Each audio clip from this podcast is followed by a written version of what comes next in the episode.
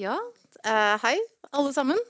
Uh, så hyggelig å se at uh, hva skal jeg si, det indre menneskelige mørket ikke har mistet sin tiltrekningskraft, og at det er såpass mange av dere her i dag som vil dukke litt ned både i hva det er som får mennesker til å gjøre skikkelig fæle ting, og hva det er som får oss til å ville vite mer om hvorfor Jeg heter Inger Merete Holstad, jeg er kommentator og kritiker i Dagbladet. Eh, og, jeg sitter her med et helt forskrekkelig kompetent eh, panel. Eh, nemlig ved siden av meg eh, journalist og sakprosaforfatter Bjørn Arai Viar, som bl.a. lager TV-serie om saken om Birgitte Tengs. Det er krimforfatter og bergenskronikør eh, Gunnar Staalesen. Og litteraturkritiker i NRK Leif Ekle. Og, og, vet du hva, jeg tenkte egentlig jeg skulle begynne, å, begynne med å spørre deg, fordi akkurat nå i dag når vi sitter her, så kom det jo eh, en nyhetssak om at det skal settes inn en ny innsats i Tina Jørgensen-saken. Mm. Og jeg tenker bare Du som har jobbet så mye med disse norske drapssakene, når det kommer en sak om det, hva, hva tenker du om det? Hva føler du når du ser det? Hva jeg tenker at Det er veldig bra at man gjenopptar etterforskning av gamle, uoppklarte saker. Eh, og de sakene jeg har jobbet med, så viser det at politiarbeidet var under enhver kritikk i veldig mange av disse sakene fra mm. 1990-tallet uh, og 2000-tallet. Uh, så, så, i Tina Jørgensen-saken, som jo også er et uoppklart drap, uh, hvor, hvor, de ser også på at det kan være en mulighet for å, for å få til en gjenopptakelse, så, så, er det mulig. Og, det er bra at de setter inn mm. og gjør noe med det. Eh, og dette er, da, altså, dette er jo en sak av en type som også har eh, blitt behandlet på nye måter, må vi kunne si, av kulturen de siste årene. Vi eh, skal jo da snakke om true crime i bred forstand her i dag. altså eh, Bøker, historier, eh, fortellinger i mediene som har sitt utgangspunkt i, i virkelige krimsaker. Men så jeg tenkte jeg skulle egentlig sånn kaste det ut som en sånn generell ball i begynnelsen. av, Hvorfor er dette så stort nå? Altså Hvorfor er true crime blitt noe som er blitt en del av den store samtalen slik det er nå? da? Altså, jeg tror jo dette er en del av det nye mediebildet, rett og slett. Fordi Truman Capote skrev 'In Cold Blood' i, rundt 1960, eller noe sånt, og mm. da var jo det en oppsiktsvekkende bok. For han skrev da den tidens første virkelige true crime-bok. Selv om vi da har hatt en av dine tidligere forgjengere i Dagbladet, Gunnar Larsen. Han skrev jo også om to mistenkelige personer, som også var true crime i sin tid. Så det, det er jo uh, Men vi som da har lest, uh, lest krimjournalistikk da i alle år For oss er det jo ikke noe nytt at vi er opptatt av true crime. For vi har lest reportasjer om det i alle årene. Vi har jo et par store legendariske krimsaker i Bergen, både på 1960-tallet og ikke minst Isdagskvinnen, som jo er en velkjent sak, som, som, hele tiden har vært bredt dekket i pressen. Men det som har skjedd de siste årene, er jo at på en måte TV Eh, podkast har overtatt en del av det. Og så kommer det da i kjølvannet ofte av den voksne interessen så kommer det også nye bøker, som de Bjørn Olav nå har uh, stått, skrevet i hvert fall to uh, veldig interessante bøker. Og det,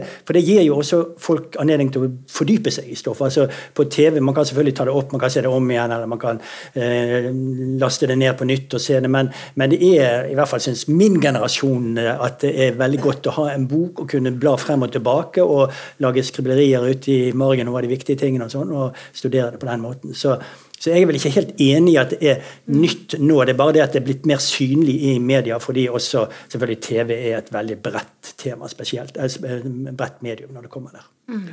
Og det, det, andre elementet av det er jo dette med podkasten, som i seg selv egentlig er bare en slags altså Er det lyd, så er det en slags radio, bare at det går på et annet medium. Men, men det har blitt et nytt medium allikevel. Som da åpner for å lage lange ting. Eh, for den saks skyld tvære ting ut veldig. Eh, jeg hørte på en nå i ti episoder. Jeg, vil si jeg, hørte for, jeg hørte den første og den siste og tenkte at ok, er det er virkelig 80 imellom her? Hva, ja. men, eh, men, det er nå så. Det andre er jo at jeg er veldig enig i at det ikke er det, altså, Nytt som fenomen er det jo ikke. altså Tenk på skillingsvisa om, mm. om fryktelige mord. Har du hørt det? Har du hørt det? Uh, man lagde altså trykk. ikke sant? Man sendte ut og solgte til folk, og, og, og, og sang sanger om, om, fæle ting som har hendt. Mm. Uh, og da er vi tilbake på ja, hva er vi? 1700-1800-tallet. Ja. Mm. ja. Så, så, ja, også, så har, interessen har vært der. Ja, og så er det vel slik også at Edgar Poe skrev jo 'Mysteriet Marie mm. Roger'. altså Han skrev jo den første oppdiktede kriminalfortellingen som han er kjent som det, men 'Mysteriet Marie Roger' var jo egentlig den første kanskje true crime historien, som kommer faktisk samtidig da, som den oppdiktede krimfortellingen. Hva skulle Jo, nei, men tenk på det I kjølvannet av det de sier også, det, det ligger jo så utrolig Det ser vi når både jobber med TV-dokumentarserie og, med, og jeg jobber med bøker også. At det er gjort veldig mye bra journalistikk også, men det er gjort så mye altså det, det er alle, alle sitter på en måte på hver sin tue og jobber, og så, og så produserer man jo fortløpende nyheter. Og de fleste nyhetsjournalister sånn, de har jo bare tid til å gjøre det. Eh, så det å kunne mange år senere kunne bare få tak i alle dokumentene, sånn som jeg har gjort i de sakene jeg har jobbet med, det har vært ekstremt viktig å ha all dokumentasjonen, og så kunne sette seg ned og analysere, og så begynne å prate med folk, og så sette det sammen. da. Det er jo et, et eventyr av, av et oppdrag å gå løs på, egentlig. Altså, til, til tross for all sin grusomhet, da, eh, så, er det, så er det utrolig fascinerende. Og det er egentlig litt sånn når vi, når vi jobbet oss med TV-dokumentar nå, hvor noen kollegaer meg sier at det er så rart ikke noen har gjort dette før, altså mer av dette før, for det finnes så mye bra arkivmateriale. Det ser vi også når vi bruker når vi jobber med en TV-serie. Vi, også- vi har arkivklipp fra 1995 og 1996 og sånn. Det er veldig stilig, da. Eh, og det gir jo tidsbilde, og det husker jeg særlig sånn der eh, OJ Simpson-dokumentaren 'Made in America', som er liksom helt fantastisk, det tidsbildet den gir og sånt. Da. Og, og det er jo liksom, her har liksom True Crime en mulighet til det også, da. Eh, Det tenkte jeg skulle spørre deg om. Tenker du at det er noe iboende sånn institusjonskritisk ved true crime? For veldig ofte så handler det om å gå etter i sømmene det politiet har gjort, det rettsvesenet har gjort, og, og, og ofte stille seg ganske kritisk til det. da. Ja, jeg tenker at Der ligger veldig mye av dramaet. og det tenker jeg sånn, sånn når, når Gunnar Staalesen og andre skriver gode krimmer, så er det veldig ofte altså det er underholdning, eh, vil man stort sett tenke. ikke sant? Mens når man skal gå løs på true crime, så, så tenker jeg det er egentlig litt greit å prøve å ikke ha det som første tanken, da, at du skal underholde, eh, men at man går inn i, i saker og tenker at her er det noe, noe som står på spill, noe som, som må kritiseres, noe som må, noe som må gås etter i sømmene. Eh, og det er en, det er en drivkraft som, som, både er, som gjør at det er viktig å fortelle disse historiene, men som gjør det også spennende å følge dem senere også. Så, så jeg tenker at det er en veldig god sånn knagg, da, og, og det har vært eh, holdt jeg på å si, heldigvis for vi som, oss som lager det, men uheldigvis for samfunnet ellers, så har det vært mye å ta av da, i Norge i hvert fall.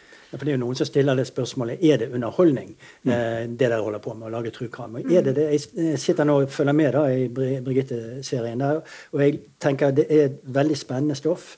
Du blir grepet av det, eh, du blir rystet av det, men du lar deg ikke underholde. Det er ikke et sekund jeg føler at dette her er gøy å se på. Dette er underholdende.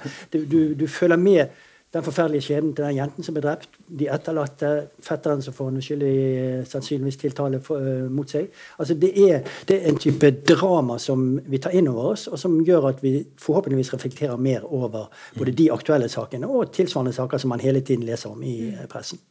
Den andre sida av det, da. eh, Det er jo Jeg hørte på en podkast i dag, og jeg hørte litt på den før, men eh, dette var en av de jeg hørte første og siste biten av. Eh, Den heter 'Fatal Voyage' eh, og handler om Natalie Wood, skuespillerens dødsfall i 1981. Eh, Så vidt jeg kan høre på dialekten, jeg tror den er lagd av en australier, men i USA. Hun døde på en øy utafor California. Drukna. Det ble altså av Hva heter det? Det ble henlagt som, som en drukningsulykke. Og så har noen begynt å grave i det, og det er, det er akkurat det samme som vi har sett i de andre vi har snakka om her hjemme. altså Det er et skandaløst politiarbeid. Og, og, og etter hvert så kommer det altså det, det, det, det er helt vilt å høre på, for her er det underholdning. Altså. Det er floskel på floskel på floskel. Uh, klisjé på klisjé på klisjé. Og, og tenk, hun døde. Hun døde, ikke sant? Uh, og ektemannen er det, er, det, er, det, er det ikke egentlig ektemannen, og vi nevner navnet på han, ikke sant? Tok han ikke livet av kona, egentlig? Uh, og Han er jo da aldri dømt, han har aldri vært tiltalt for noe som helst.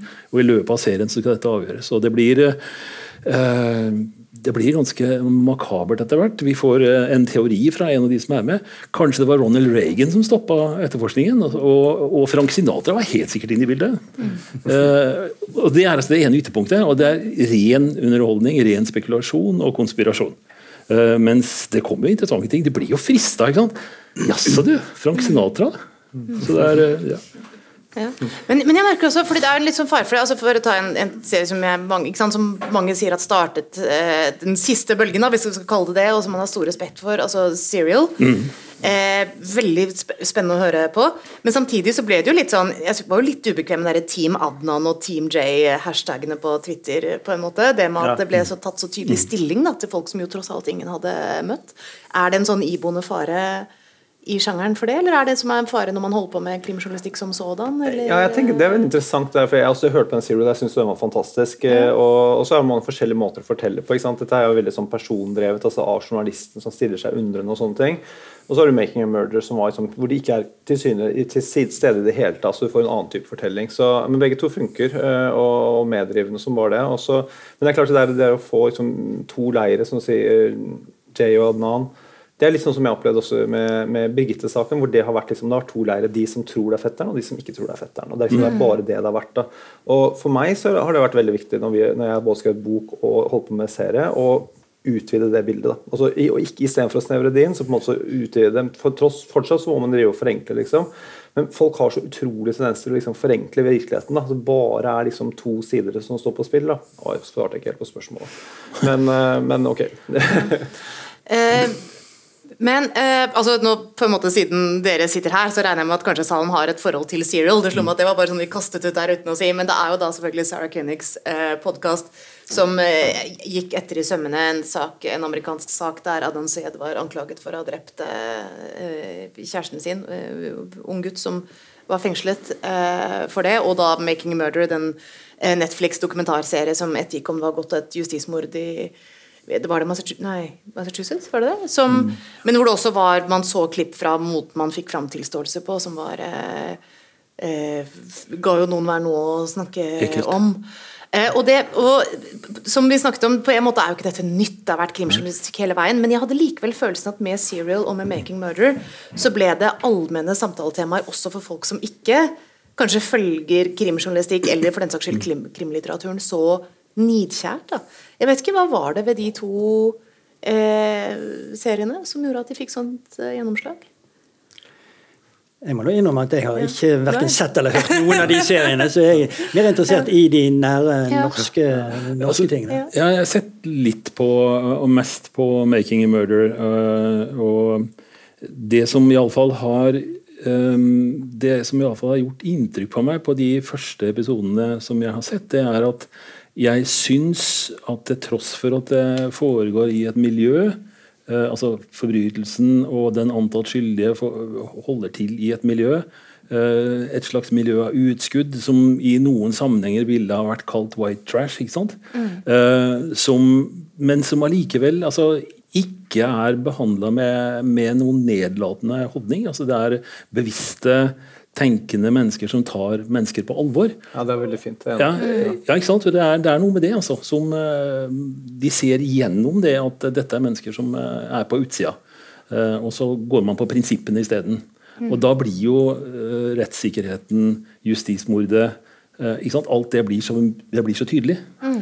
Og, og, menneskeverdet blir tatt vare på, mm. opplever jeg da. I den, fall på, på, sitt beste i den serien. Og det ja. kan være en grunn til at mange liker den, altså. Det tenkte jeg så veldig bra. Så var det sånn der, så var det jo, Jeg syns de var fantastisk gode til å ha cliffhangere som var sånn altså Man gikk ja. ut, man klarte ikke å stoppe etter tre episoder, så mm. måtte man ha en til. altså var sånn, de, de, gikk jo alltid ut på topp. altså Det var sånn der, det var episoden hvor de hadde kludra med blod, og de hadde åpnet en pakke der, og sånne ting, men du kan ikke la være å se videre da. Mm. liksom, Da må du bare da må du være med i det. da. Det, så det har godt gjort, det også. Mm. Men jeg, jeg, møtte, jeg, møtte, de to filmskaperne for et par år siden. De var her i Norge i forbindelse med Scoop-seminar. Eh, sånn journalistseminar. og og Det var utrolig bra å prate med dem, for de var sånn der, jeg merket at de var så vanvittig dedikerte. da, altså sånn der, De, bare, de bare brenner så vanvittig for det de holder på med. Eh, så du skjønner at, og de er liksom sånn der, Om han Steve Avery er skyldig eller ikke, de, er, de, sier det er de egentlig ikke så opptatt av. da. Jeg tror nok de er opptatt av det også, det er ikke det, men, men det er liksom, det er prinsippet. altså det er At liksom man bare turer frem, og at uh, det sitter samme dommerne i,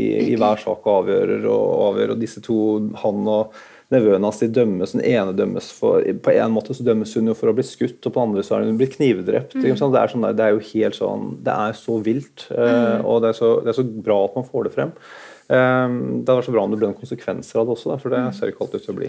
Men, men, er det også noe ved dette, fordi nå bruker jeg da dette som en knagg til å trekke frem en av mine true crime-favoritter, nemlig den boken som heter 'Devil in the White City', 'Djevelen i byen', som egentlig går gjennom historien til en seriemorder i Chicago på slutten av 1800-tallet eh, eller rundt århundreskiftet, og blir en liksom historie om den storbyen som liksom vokser altfor fort. da, og hvordan unge mennesker går inn dit og liksom bare forsvinner fordi politiet og alt, altså ikke, institusjonen har ikke rukket å henge med, da. Eh, ikke sant? Ettersom byen vokser. Og så er det også noe i det at, at krimmen blir liksom også en vei inn i miljøer, da. Ikke sant? Og inn i måter å leve på som man ikke kjenner til sånn fra sitt eget lille liv. Det er jo veldig mange ting som eh, faller inn i hodet når du sier det. Mm. Så vi kanskje får ta noe etter hvert. da. Men eh, du sa favorittserie. Eh, Nå skal jeg bare få den fram her, så jeg sier det riktig.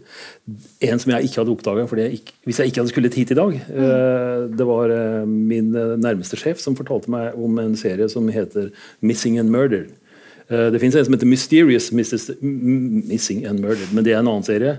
Eh, Den er lagd av kanadisk eh, kringkasting, CBC. Og den har undertittelen 'Finding Cleo', og det er sesong to. Er det noen som har sett eller hørt den? Ja. Jeg var mektig imponert, altså. Og det er liksom det temaet dere hadde, eller det spørsmålet dere hadde til dette møtet, får dette fram det verste i oss, liksom? Eller er det det verste i oss som kommer fram? Den første jeg nevnte, 'Fatal Voyage' om Natalie Wood, syns jeg ja, det gjør det. Mens denne er noe helt annet. Altså, det er, det, da er svaret nei. Eh, hun, Connie Walker, tror jeg hun heter, som har, eh, som har laga serien. Hun er cree-indianer selv, fra Saskatchewan i Canada. Og I Canada har de altså et enormt problem har de oppdaget, med at hundrevis av unge eh, indianerjenter forsvinner. Antatt myrda, de er blitt borte. Det er en stor sak i Canada. Mens denne jenta, som er investigative reporter i CBC, hun har hun, hun, For henne blir det personlig å finne ut av dette. Hun har to saker, av den første som jeg ikke husker navnet på. Og så er denne Clio, som eh, var ei lita jente som eh, ble adoptert bort. for det gjorde man også litt som den uh, urbefolkningshistorien vi kjenner fra mange andre steder, også Norge. Uh, barna ble tatt ut av familiene, skulle assimileres og ble adoptert bort til andre i, i Canada og USA. Denne jenta blir borte for godt. Uh, og de siste episodene finner de ut hva som har hendt med henne. Det er søsteren hennes som prøver å finne ut hva ble det av denne søstera mi. Det er rasende godt gjort. altså. Og det er dypt menneskelig og engasjert. Så det er, den heter 'Missing and Murdered', og sesong to heter 'Finding Cleo'. Den jenta. Det er virkelig verdt å få med seg. Altså. Det er, uh, mm. Eh, Gunnar, du snakket om det at du hadde lest ikke sant? Man leser om virkelige saker opp igjennom og, og tar til seg det man får vite der av metoder og det som er. På hvilken måte har du latt deg inspirere av saker fra virkeligheten når du har skrevet skjønnlitteratur? Altså, jeg, har jo, altså, jeg blir jo ofte spurt av journalister om hvor jeg får ideene til bøkene mine fra. og da er Standardsvaret mitt er at det er ved å lese fire aviser hver dag og høre på nyheter og uh, nyhetsstoffet. Så jeg har jo, det er der jeg finner stoff som jeg skriver bøker uh, inspirert av. Da. Men jeg har jo aldri gått inn i virkelige kriminalsaker. Men jeg har i hvert fall i minst i to bøker latt meg inspirere av en annet forferdelig uoppklart historie fra Norge, nemlig Therese-saken. Mm. Uh, med dette en liten pike som bare forsvinner sporløst, og ingen aner den dag i dag hva som skjedde med henne. Mm. Uh, og det er jo, altså Alle som har vært foreldre, kan jo tenke seg hvordan det føles. Mm. Og det Tilsvarende er det jo da de sakene han har jobbet med. Uh, Baneheia-saken, som er den siste boken han har skrevet om. som er jo et av de grusomste drapene vi har opplevd i Norge etter krigen av to små jenter. Og hele befolkningen, pressen og alt er jo veldig opptatt av at denne saken må jo bli oppklart. Og så Plutselig får man den nyheten om at to unge menn er blitt arrestert. Mm. Og da puster alle lettet ut. Gudskjelov, de tok de skyldige. Mm. Og nå syns jo jeg at han da, i den boken han har skrevet, dokumenterer veldig godt at den ene av de rett og slett ikke var skyldig. Eh, og det er jo ganske rystende både å lese og kanskje etter hvert se eh, presentert på eh, en TV-skjerm. Eh, og det er jo det som er med en del av denne moderne eh, true crime-saken, er jo at du, du, du, stiller et kritisk lys både på politiets arbeid, på pressens holdninger, ikke minst i Baneheia-saken. På en måte Den ene er forhåndsdømt. Eh, og, og at man da kanskje kommer bak de eh, påstandene. og de, de, det ting som, alle, alle, vil jo at disse sakene skal få sin løsning. Mm. Den lille fordelen vi som kriminalforfattere er, har, er jo at der blir jo sakene oppklart. Mm. Alltid. Mm. Eh, men jeg kan jo da spørre deg om det, for En ting er at vi snakker om nysgjerrigheten på at det er virkelige saker og du kan gå etter.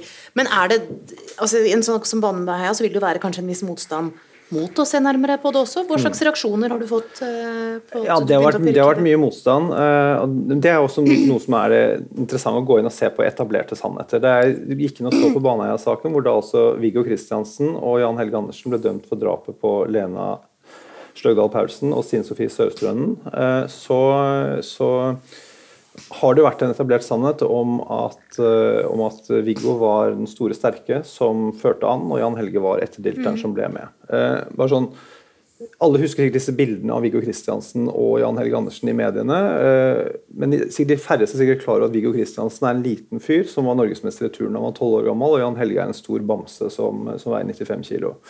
Eh, alle ser liksom for seg at liksom det skal være motsatt styrkeforhold. Det avgjør selvfølgelig ikke saken i seg selv, da. Men, det, men det, er bare sånn, det bildet som ble skapt da, var så veldig at, at Viggo var et veldig monster. Eh, og Eh, jeg tenkte hele tiden på at jeg vil gå inn og se på hva er det de forteller. Viggo forteller en historie, Jan Helge forteller en historie. Hvorfor blir Jan Helge trodd?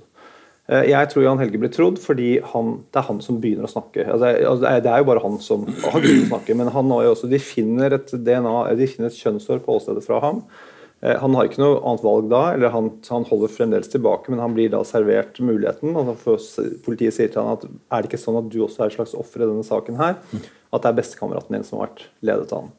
Da sier han at jo, det er sånn det er. Uh, og, så, og, så, blir og så ser Jeg sånn, og det er, det er, jeg mener det er helt sånn absurd og helt vondt å se på, med hvordan forklaringen til han Helge Andersen og politiet de fletter sammen. Uh, og, og Viggo Kristiansen som forteller sin historie, han blir bare ikke trodd. Og Når Viggo Kristians f.eks. viser seg at han har sagt at Jan Helge kom til han klokken halv åtte på kvelden, og senere så viser det at han egentlig kom klokken halv ni, så blir det til at, Jan, at Viggo Kristiansen endrer forklaring. Han har løyet til. Altså Det blir overskriftene blir det da, istedenfor som han sier at det var en vanlig kveld for meg. Jeg, jeg husker ikke om han kom halv åtte eller halv ni til meg. Eh, så, så, jeg var veldig opptatt av å gå inn og se på de to historiene, hvilken som er den mest sannsynlige. Og, og jeg mener at dette her er jo 'Making a Murder' på norsk. Eh, og, og den store forskjellen da, eh, Det verste er at Viggo Kristiansen ligner litt på han Steven Avery også. ikke sant, i Making mm. Murder. Den store forskjellen er jo at Viggo Kristiansen har faktisk et utelukkelsesbevis. Han har et bevis på at han har vært et helt annet sted enn der drapene foregikk. Han har masse, mye mobiltrafikk til og fra et sted som ikke som, Hvis han viser at han ikke kan ha vært på åstedet mens drapene fant sted. Men dette er, dette, dette er etablerte sannheter som, som, det er veldig vanskelig å rikke ved. Og mm. reaksjonen har vært øh, det var veldig massiv motstand mot at jeg skulle skrive boken. Jeg husker jeg har en veldig god kilde i politiet som, som var sånn Hun ville møte meg og snakke med meg, så sier hun at vet du hva, du kan ikke skrive den boken, og han er det verste jeg vet om. Eh, og så sier jeg sånn, men hvor, hva, hva, er det som gjør at han er så ille? Eh, jo, han er liksom, jeg hatet han mer, enn Anders Behring Breivik. Mye følelser ute og gikk. Og så, og så, sier jeg til henne at, men så begynner jeg å fortelle om dette mobilbeviset. at han har masse mobiltrafikk, og så sier hun, og hun er Oslo-politiets fremste ekspert på mobilbevis. Og da sier hun at, eh, at ja, men han kan ha en slenger et annet sted og sånt. Og så, og så sier, eh, og så sier ja, at det er, det er, mye trafikk her, og da blir hun helt stille. Og så etter hvert så har hun liksom vært helt sånn overbevist om at herregud, han må jo være uskyldig. Så jeg klarer sånn, Det å klare å overbevise noen tunge aktører, da, det er jo bra. og liksom Dra inn til Kristiansand og lansere boken og møter opp 300 stykker, ganske trykke stemning og sånne ting. Men det kommer også folk opp etterpå og sier du, gudskjelov at du forteller dette, for dette her har vi tenkt og trodd lenge, men vi har ikke turt å si det.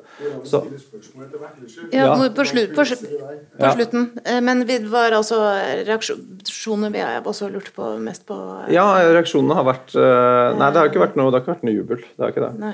Uh, Men jeg lurer litt på det du sier, siden det er liksom true crime som, som sådan er, er, paraplyen over dette.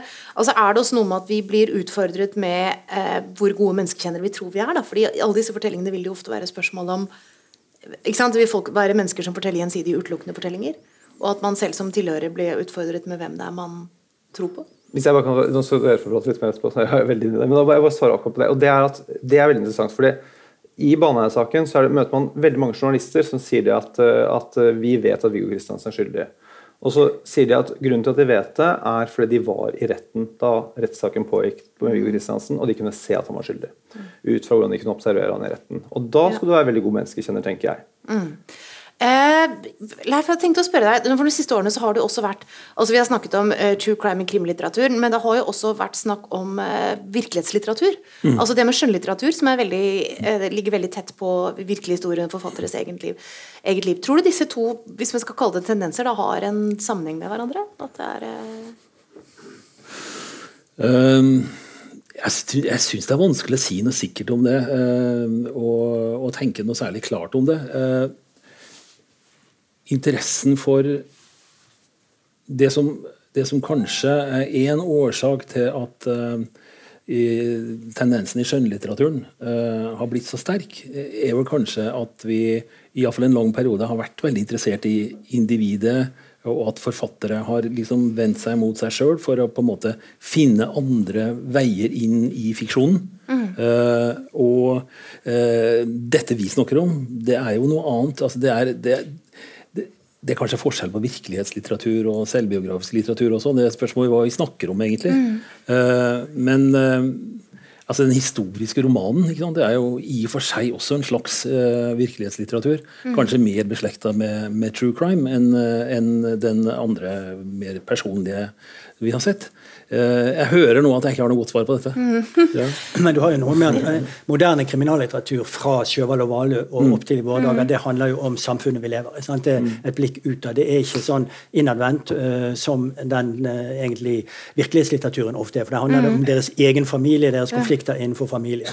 Slik at, at uh, Og det tror jeg også er et slektskap mellom kriminallitteraturen og true crime-seriene. Enten det da er bøker eller det er TV-serier. Det er nettopp det at det er det kritiske blikket som ligger der. Det er kritikken mot eh, ikke minst politiapparatet, men også det generelle maktapparatet i samfunnet, som da mm. dømmer på forhånd. Mm.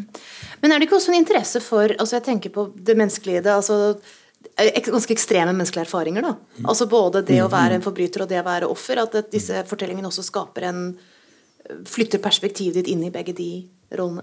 Ja, men Det gjør jo også moderne kriminallitteratur, mye ja. mer enn tidligere kriminallitteratur mm. der det bare var brikker som ble flyttet på, på, på, ble flyttet på i, en, i, et spill og i en, mm. i en, oppbygning av en intrige, mens veldig mye moderne kriminallitteratur går jo inn i menneskeskjebner og går tett på eh, det som skjer eh, litt for tett, etter min smak, av og til når du går inn i de patologiske eh, mm. undersøkelsene og sånn, men, men, det er eh, og, og, jeg gjenkjenner jo veldig mye av, av måten å fortelle fortelle på når jeg ser da f.eks. den Birgitte-serien som går nå. Det, det, ligger en dramaturgi under, det ligger en, en oppbygning som eh, ikke skaper under, underholdning, som jeg sa i sted, men det skaper Du må, eh, du må følge med, du må se hvor havner vi her, selv om vi egentlig vet foreløpig slutten på den historien. Men eh, kanskje blir det en ny avslutning når den er ferdig. Mm. Ja. Et element i det er jo, som, som Gunnar sier, det er jo at uh, Eh, true crime også har flytta inn i deler av kriminallitteraturen. Altså At det finnes en del aldeles utmerkede kriminalbøker som er basert på faktiske hendelser. Mm. Um, en av de aller beste jeg har lest, er James Elroys 'Black Dahlia'. Uh, Som er basert på en, en, faktisk historie fra Los Angeles. Uh, 50-tallet, tror jeg. Eller 40-tallet, det kanskje. Uh, om en uh, prostituert kvinne som blir voldtatt og drept og funnet uh, altså ille tilrett, som det heter. og aldri ble oppklart. det ble aldri klart hvem som gjorde det. og At akkurat James Elroy skrev den boka, har vel også noe med at hans mor ble drept. På samme måte. kunne i og for seg vært denne Black Delia. og Han har skrevet en helt hjerteskjærende bok etterpå, som, hvor han går inn i drapet på moren. Den heter 'My Dark Places'. og eh, er, eh, Hvor han bl.a. forteller om hvordan han til slutt våget seg inn. Han var helt sikker på at han ikke ville tåle å se bildene. Altså det, det, gjorde han selvfølgelig som godt voksen mann, uh, mange og 40 år. Uh, se bildene, altså de kriminaltekniske bildene. Men det hjalp han her videre. Er, begge disse bøkene er, er sterk kost. Uh, en annen sak er jo at Michael Connolly, annen Los Angeles-forfatter, som har helten Harry Bosch, som dere sikkert har sett på TV-serier og lest eh, alle sammen, eller noen av dere som leser krim, da. Uh, Harry Bosch har jo en helt tilsvarende historie. Også, så jeg har alltid trodd at historien om Harry Bosch en Michael Connollys hilsen til hatten til James Elroy. Mm. Fordi Det er akkurat en helt parallell historie. Når, når, du snakker om virkelige historier som sklir inn i skjønnlitteraturen Du nevnte også den eh, romanen til Emma Klein, 'Jentene', ja. som tar mm. for seg altså de eh, kvinnelige medlemmene av veldig unge kvinnelige mm. medlemmene av Charles unge. Mansons uh, familie. Uh, hva, hva, tilfører det på en måte historien vi vet om Charles Manson? Og det at man får da en skjønnlitterær, men likevel historie som går inn i Altså, jeg leste om igjen i dag en, en, et intervju med henne. Uh, hun er vel 28 år nå, uh, var kanskje 25-26 da hun ga ut uh, The Girls. Mm. og hun har altså vokst opp i et område veldig nær der Manson-gjengen og klanen hans bodde. og har vokst opp med hennes foreldres fortelling om at da dette skjedde, så var det, det var da de skjønte at verden ikke var trygg. Mm. Uh, og, og, og, Manson har vært en sånn bogeyman i hennes liv. Men så, det hun ville gjøre, var jo å skrive en, en bok som, som, nesten var fri for menn. Altså, denne figuren som da tilsvarer Manson, han er jo der, men det er jentene det handler om. Og, mm. og hun forsøker å gå inn i hva, hva er det som skjer, hvordan er det mulig å få manipulert unge mennesker til å gjøre det de faktisk gjorde. Altså Mensen drepte jo ingen øh, mm. fysisk, men han fikk de til å gjøre mm. det. Uh, og jeg syns det var at det tilførte jeg, leste den boka med stor interesse, og den er jo knakende godt skrevet også. Mm. Det er, til å være en dyp by er det jo helt vilt. Ja, jeg, jeg, det slo meg at fordi jeg også hørte på Det er en podkast som heter You Must Remember ja. This, som egentlig handler om gamle Hollywood, som også hadde en lang serie om Manson-familien. Og du har fått inntrykk av også hvor kort avstand er fra det glamorøse Hollywood til det veldig lurvede og kriminelle. Da, fordi det er så mange som søker inn til Stjernebyen med samme mål, og de kan ende på toppen, eller de kan ende eh, Så det også var en, en, artig måte å belyse på. Det, det også slår meg at er det noe med å gå tilbake og se på gamle saker også, fordi plutselig lever man i en tid hvor verdiene har endret seg litt. da. Ikke sant? Hvor normsettet har endret seg, som gjør at man kanskje tillegger f.eks. unge jenters perspektiv at det får større betydning nå enn det fikk da saken ble skrevet om først. Jeg vet ikke, Er det også eksempler på Kan det også være noe av det som gjør det interessant å gå tilbake og tolke og gjenfortelle disse historiene ja. Så man blir jo fascinert, altså, Som krimforfatter så er jo jeg fascinert av uoppklarte forbrytelser. altså mm. Saker som ikke er oppklart. og Vi har jo mange store saker. Kennedy-drapet, Palme-drapet. Ingen av de er i realiteten oppklart. Mm. Uh, og her i byen har vi altså Isdalskvinnen, uh, som da en sak som er 50 år tilbake i tiden snart. Uh, og der NRK tok initiativ for et par år siden til å gå inn i den saken på nytt. Og Det man har fått tilgang på i dag, er f.eks. mye bedre muligheter til å ta DNA-prøver og sånt. Og de fant mm. jo da i, på Patologisk institutt i Bergen tennene hennes og vev, slik at de kunne faktisk finne DNA-et hennes. Eh, hun, da, hun døde jo før eh, DNA-registeret i det hele tatt var begynt, eller før man fant DNA i det hele tatt. slik at hun finnes jo ikke i noe register. Men det betyr at man nå har et DNA som kan spore noen som er i familie med henne. Mm. Uh, og Det betyr at denne kvinnen, som fremdeles den dag i dag er uidentifisert, uh, kan som et resultat av denne podcast- og TV- og podkastserien som uh, NRK har hatt, og nå podkastserien i samarbeid med BBC, sånn at den har gått ut internasjonalt. og Det er jo en, et sted på Facebook der man diskuterer, og det kommer inn haugevis med nye teorier og synspunkter selvfølgelig på den saken. Mm. Men det er en mulighet for at man da i hvert fall skal få et svar på hvem hun var. Mm. Uh, og Det er det jo også kommet ut en bok om i år av Dennis Aske, som har skrevet om Isdalskvinnene, der han har sine klare teorier som man kan være enig i eller være uenig i. Men det er jo også noe som ligger i disse bøkene, og som også Bjørn Olav jo uh, på sett og vis gjør. Han gir jo sin forklaring på Baneheia-saken, mm. som da selvfølgelig ikke er Altså Det er jo slik du tolker alle de faktaene og de dataene du har kommet frem til, men det er jo ikke da bevist, eller det er jo ikke retts, rettskraftig, da, i hvert fall. Mm. Det, det, er din forklaring på hva som skjedde der. Mm. Uh, men er det men også når jeg tenker Ja, sorry. Nei, jeg bare slo meg du sa dette var tilfører det historien. Uh, uh, det fins en britisk kriminalforfatter som heter Cathy Unsworth. det er ikke noen stor stjerne, men hun skriver veldig gode bøker. Hun var en slags lærling, eller hun var en nær venn av krimforfatteren Derek Raymond, som, som som skrev noen helt grusomme, brutale bøker, men som de var gode fordi han, han var så opptatt av offeret, og, og, og, mm. særlig de kvinnelige ofrene. Uh, I Was Dora Suarez er kanskje den beste boka hans. som han, Det er en helt grusom bok, voldelig sett, men, men som, som, er utrolig sterk fordi den går så veldig inn i, i den virkeligheten som, som offeret hadde. Mm. Og Cathy Unsworth har skrevet da en bok eh, som den første virkelig gode boka som heter Bad Penny Blues som, eh, som da går inn i Jack the Stripper-saken. Eh, altså mest kjente, eller En av de mest kjente massemordersakene i, i Storbritannia på 60-tallet. Som blir en roman om London, som blir en roman om det hippe London, men som også handler om politifolk som eh, vakler i korrupsjonslandskapet. Eh, og samtidig da denne, denne massemordersaken. Mm. Eh, som, som tilfører historien noe nytt fordi den handler om offer. Altså. Mm. Fordi den handler om, om, om, kvinnen selv. Ja, fordi, og det, egentlig kan det, det går Spørsmålet ut, egentlig ut til hvem som helst av dere. For jeg, jeg har tenkt noe med denne sjangeren at Altså det er kanskje mye, Med mye klassisk krim der har du en veldig sterk etterforskerskikkelse. Og du har jo skapt eh, en av de veldig eh, sterke etterforskerskikkelsene i norsk krimlitteratur. Og hvor, hvor, dette er liksom folk som det er, det er, deres perspektiv leseren har, og de kommer tilbake i neste bok, ikke sant, hvor du kan følge deres historie videre. Men skjer det noe med at true, true crime tar ganske stor plass liksom, i kulturen nå? Nettopp at, at det perspektivet blir viktigere, da. Altså det å følge den enkelte etterforsker, at det er mer å være mer i de liksom, mekanismene rundt i et miljø, er det som blir der oppmerksomheten i hovedsak er? Eller vet ikke, hva tenker dere?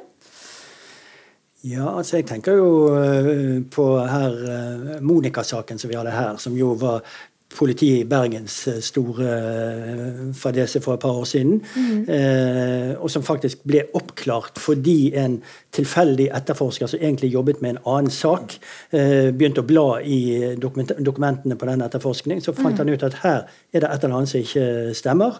Og så eh, ga han beskjed om det, og som takk for det så fikk han noe veldig hard motbør i politiet og endte jo med å bli i prinsippet suspendert. Eh, og jeg husker at når jeg leste om den saken saken helt fra begynnelsen av, så skjønte jeg på en måte at her er det jo et eller annet som ikke stemmer. Altså Lenge før han kom inn i bildet, så kunne enhver avisleser kunne skjønne at dette er, her er det et eller annet som mangler. Annet. Og Så mm. gikk han inn i saken, og så gikk advokaten til moren til den lille piken inn i saken. Og det er jo, eh, syns jeg, et fokus som da jeg kjenner godt igjen fra mine bøker, for de går jo egentlig inn og blir Varg Veum i, eh, i, den historien der. Mm. Og det er at man man må, ha en type altså Du må ha en aktiv, oppsøkende eh, kraft, eh, som da kan være en journalist, eh, det kan være en forfatter, det kan være en reporter, som da går inn i saken og samler alle fakta. Og så sitter vi jo alle da, som enten leser bøkene eller ser på TV, så er jo vi en del av det politiet eh, ynder å kalle den store detektiven. da, ja. Nemlig folk som da kommer med sine tips. Mm. Det, det, det, er veldig interessant med I Birgitte-saken så var mm. det så er det jo dårlig etterforskning. Eh, og, og, de, og de, Det er helt åpenbare kandidater som, som, glipper for politiet. Og så er det en politisekretær som begynner å jobbe på, på kontoret og Hun begynner å, å, jobbe på journalkontoret og hun begynner å kikke etter om det er noen som kan dukke opp her. Det dukker opp en fyr som angriper kvinner i seksuelt opphisset tilstand, eh, og, som, og som en psykolog som har blitt forsøkt kvalt av ham. Hun varsler om han, og politiet tar ham ikke inn til avhør, de tar det ikke på alvor. Hun lager en stor rapport om dette og leverer inn dette her. og hun blir jo i alle år latterliggjort uh, i politiet også, fordi, uh, fordi, hun er rar. da. Uh, og hun, og Jeg tenker alltid på henne som altså hun har gjort en, Det er hun som har gjort den beste jobben i Birgit-saken, syns jeg. da. Mm. og hun blir på en måte den, den, litt sånn overførbar til det man ser i krimlitteraturen, hvor man har ofte en eller annen sånn etterforsker som går på siden, eller som, som, som skiller seg ut, som tør å ta de upopulære standpunktene. og som og som, og som går litt som, som, noen kan beskylde for tunnelsyn, selvfølgelig, fordi man får fokus på en sak. og sånne ting, ikke sant? Men, mm. men, eh, det er så lett å være en del av gjengen. da. Eh, mm. og, og det, så, så det, det fins heldigvis sånne type krimhelter i virkeligheten nå, tenker jeg. Mm. Eh, apropos eh, Birgitte-saken, som du har jobbet veldig mye med nå pga. denne TV-serien. ikke sant? Alle disse sakene vi snakker om her, er jo de uoppklarte saker, eller saker der det har skjedd en, en, feil. Men hva er det altså i, i, en norsk historie hvor det jo er en del sånne saker, hva er det ved den saken som gjør den spesiell? Eller hva er det ved den saken som du tenkte var underkommunisert? Da, som var, uh... det, som, det, som, gjorde at jeg ble fascinert av den saken, der, var jeg var på et, eh, et journalistseminar hvor det var en politietterforsker som snakket om politiets avhørsmetoder. og Han snakket om at de hadde vært så feil, han sa at de hadde vært så tilståelsesorienterte. Så han sa at i verste konsekvens kan vi få falske tilståelser. Og Så begynte jeg å jobbe i magasinet Dagbladet noen år senere, og da, da ville jeg skrive en hovedsak om falske tilståelser. Og da var uh, da fikk jeg tak i ganske mye dokumentasjon i saken, og jeg så hvordan fetteren var fetteren til Birgitte. Politiet var sikker på at det, etter hvert på at det skulle være han som var drapsmannen. Eh, de la bort alle andre spor som skulle tyde på at hun hadde ankommet åstedet med bil osv. Men det var da fetteren de gikk for. Og da bestemte de seg for han. Eh, og Han sa jo hele veien at jeg har ingenting med dette her å gjøre. Så sier de etter hvert at nei, men foreldrene dine har trukket alibiet sitt. Det viste at det stemte jo ikke, men det var det han ble fortalt da han satt fengslet. Og så begynner han 19 år gammel å tvile på sin egen hukommelse. For de sier, den, På 90-tallet så trodde man jo sterkt på fortrengning. og jeg tror en del av disse politifolkene som trodde på at han kunne ha fortrengt drapet. Så sier de at når du har begått så grusom, en så grusom handling som et drap, så kan du fortrenge det. Eh, og Så begynner han å kjøpe den teorien der, og så begynner han å jobbe for å bringe frem dette minne som han har fortrengt. Da. Det, det, jobber han med. Og Da blir hans største ønske etter hvert er å huske at han har drept kusinen sin. Han klarer ikke å huske det, så han er veldig fortvilt. Han får beskjed om at han skal, kommer til å få mareritt. Han får beskjed om at han skal skrive et filmmanus hvor han skal se det hele i et fugleperspektiv, hvor han da begynner å dikte. og, og man ser også da, dette, dette har man fått veldig klart frem, fordi Politiet de protokollerte ikke disse avhørene, for det var ikke avhør i vanlig forstand. Eh, det var jo mer at de satt og diktet. Og, men så skrev politifolkene de skrev dagbøker. Eh, og Der fremkommer det at, at han bl.a. sier liksom at hun faller mot en stein. Nei, det kan du se bort ifra. Så de stryker det. Så, så hele, hele, fortellingen hans fremkommer jo og, og, når den begynner å ligne noe som, en, som ligner på en tilståelse, så får han beskjed om å bytte ut han i fortellingen med jeg. Og Dette er jo det som, som fascinerte meg så utrolig. Er det mulig å tilstå et drap du ikke husker å ha begått? Er det mulig å tilstå et drap du ikke har begått? Og jeg mener jo at det definitive svaret er ja på det. Og det var det som brakte meg inn i saken. Mm. Eh, dere har jo valgt i den serien også å dramatisere eller liksom å eh, ikke bare ha snakkende hoder. Mm. Hva, hvilke vurderinger gjorde dere da? For da blir det jo med en gang et slags tolkningselement. da, inni mm. det. Inni ja, og det, og det har vært veldig opptatt av i, i serien også, å tydelig merke der hvor det er dramatiseringer, men det hjørnet sånn folk er liksom mm. veldig klar at her dramatiserer vi. og Vi kaller det ikke rekonstruksjoner, for det, da skal du være temmelig pinlig nøyaktig. ikke sant? Mm. Men vi dramatiserer så tett opp mot det vi både vet ut fra hva som kan være mulige hendelser og faktiske hendelser. Eh, mm. så, og så og så var dette med, det er klart sånn, Fetteren til Birgitte Tengs han har ikke ønsket å stille denne serien. Eh, han har fått en stor rolle i serien. Han mener jo selv at han ikke hører til den saken her i det hele tatt. Og det kan jeg forstå at han gjerne vil, men, men det gjør han dessverre. Så for ham så gjør han det. Mm. Eh, så det er klart det å få en gutt å vise hvordan, en 19 år gammel gutt, hva slags regime han er under, under i avhørssituasjonen, det tenker vi er en god måte å få det frem på gjennom dramatiseringer. Mm. Birgitte har vi heller ingen levende bilder av. og På en måte så tenker jeg at det er litt, sånn, litt fint også, sånn, altså, av respekt for henne. da, altså sånn der, mm. At man ikke bretter henne ut for mye. Men vi har, vi har en skuespiller i den situasjonen som ligner ganske mye på Birgitte. og Da viser vi bl.a. hva som kan ha skjedd. Ulike drapsscenarioer og sånt. Mm. Men det er klart det er et omdiskutert grep, men jeg tror det gjør serien det gjør serien mye mer underholdende, som det selvfølgelig kan kritiseres for, men det gjør den også mye lettere å se på, følge med på og, og trekke folk inn. og Da får man også kommunisert det som er det mm. viktige i serien. Så Det er et middel for å få frem poengene i serien. Ja. Eh, nå snakker jo du om sant, dette dramatisere, ikke dramatisere, og du har snakket om det å la seg inspirere av, eh, av virkelige saker. Hvor, hvor, går grensen etter hvert? Altså hvor, når, når bikker det over og blir fra sakprosa til dokumentar til å bli liksom skjønnlitteratur, spillefilm? Ja, Det finnes selvfølgelig et spekter der, mm. som Leif har snakket om her. Sånn, så mm. finnes det jo veldig gode uh, skjønnlitterære kriminalromaner som er bygget på virkelige uh, forbrytelser, mm. men som likevel er romaner, og som ikke utgir seg for å være noe annet enn romaner, men at de er bygget på en virkelig historie.